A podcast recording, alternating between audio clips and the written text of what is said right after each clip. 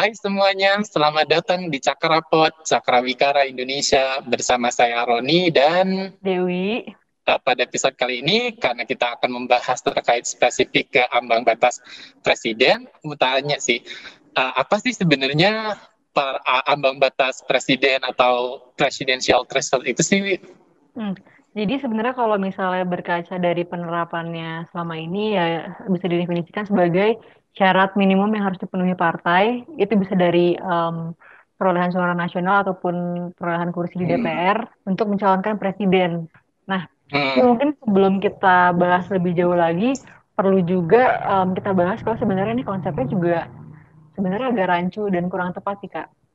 Hmm. Karena sebenarnya kalau ngomongin ambang batas gitu ya threshold itu um, yeah. alurnya itu adalah ada kompetisi dulu, baru setelah itu ambang batas dijadikan um, acuan untuk menentukan hasilnya. Kayak misalnya hmm. kalau misalnya electoral threshold atau yang kita kenal dengan parliamentary threshold itu um, partai peserta pemilu um, berkontestasi dulu di pemilu legislatif, yeah. baru setelah itu keluar hasilnya. Um, jadi nih dia memenuhi nggak um, ambang batas um, parlemen tadi. Kalau misalnya memenuhi berarti dia um, masuk ke parlemen, kalau enggak ya berarti uh, dia tersisih gitu kayak misalnya kemarin yang tersisih hmm. kayak PSI, Partai Garuda dan sebagainya. Nah, sedangkan uh, penerapan presidensial threshold ini kebalik. Jadi justru um, ada hasilnya dulu baru dijadikan acuan gitu. Jadi sebenarnya hmm. secara secara konseptual ini udah agak membingungkan dan bahkan sebenarnya lebih cocok kalau misalnya disebut aja sebagai syarat pencalonan presiden kak. Hmm, iya ya kalau dilihat sebenarnya berapa sih yang sebenarnya kita implementasikan saat ini? Um, sekarang kalau itu yang di 25 persen um, suara sah nasional atau 20 persen kursi di DPR. Jadi hmm. lumayan tinggi sih kak. Dan mungkin ini um, yeah, yeah. kita bisa bahas juga nih lebih jauh sebenarnya um, relevansinya yang sebenarnya bisa dipertanyakan ya kak. Iya iya benar.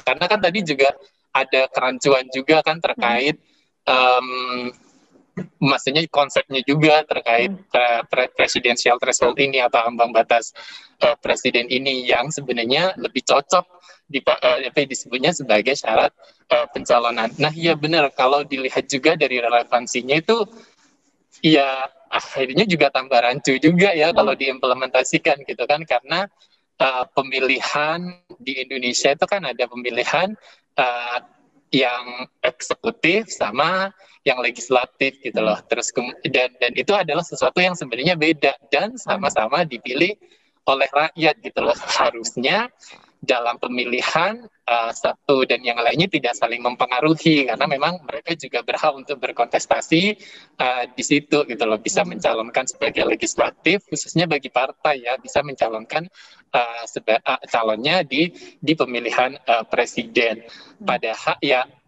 ya kalau nanti membentuk sebuah pemerintahan ya memang penting untuk kemudian ada uh, apa ya mendorong balance of power, check hmm. and balance, uh, check check and balance, mekanisme check and balance itu hmm. itu sangat dipenting, diperlukan sekali dalam uh, pemerintahan kita. Hmm. Tapi catatannya bukan di proses pencalonan itu, gitu loh. Kalau hmm. menurut Dewi gimana? Hmm. Ini juga tidak relevansinya kalau dilihat lebih jauh lagi.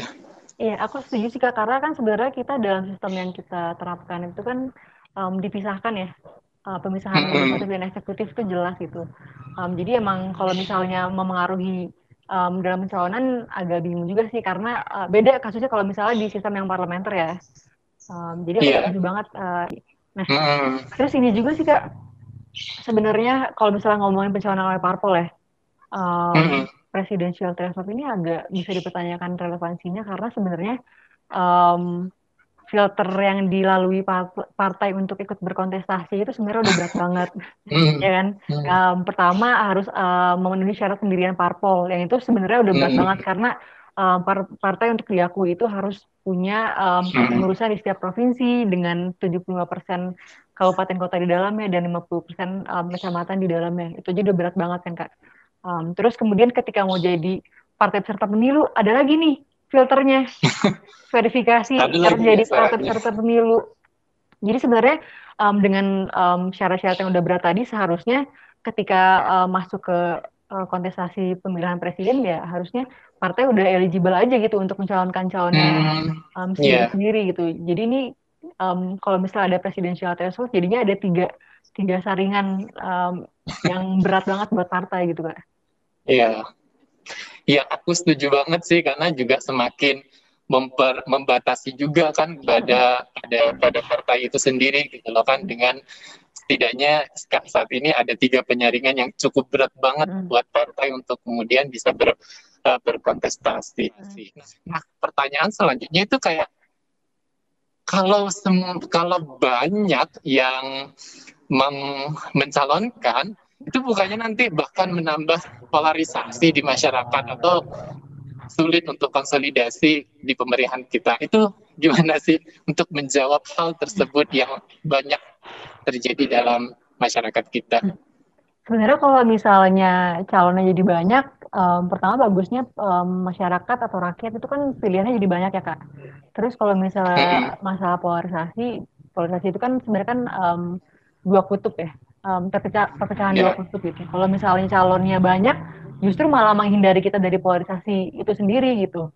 Nah, kalau hmm. misalnya dibenturkan lagi, loh kalau misalnya um, calonnya banyak nanti partainya terfragmentasi dong. Uh, ya mungkin pas di awal terfragmentasi, tapi kan uh, pemilu kita memungkinkan untuk uh, menyelenggarakan uh, dua putaran. Jadi kalau misalnya pun hmm. calonnya ada lima, ada sepuluh, pada akhirnya ketika dua putaran kan akan um, tersaring dan hmm. kekuatan partai tadi akan um, kembali terkonsolidasi gitu. Iya, ya meskipun nanti juga banyak, tetapi apa ya? Uh, tetapi ruang partisipasinya terbuka lebar hmm. untuk kemudian uh, partai politik ini juga bisa mencalonkan calon presidennya, hmm. bahkan juga calon-calon yang dikehendaki oleh masyarakat. Wah, menarik sekali ya hmm. pembahasan terkait uh, presidential threshold ini. Tapi mungkin kita cukupkan aja lah. Uh, sampai di sini dulu. Uh, terima kasih semuanya. Sampai jumpa. Sampai jumpa.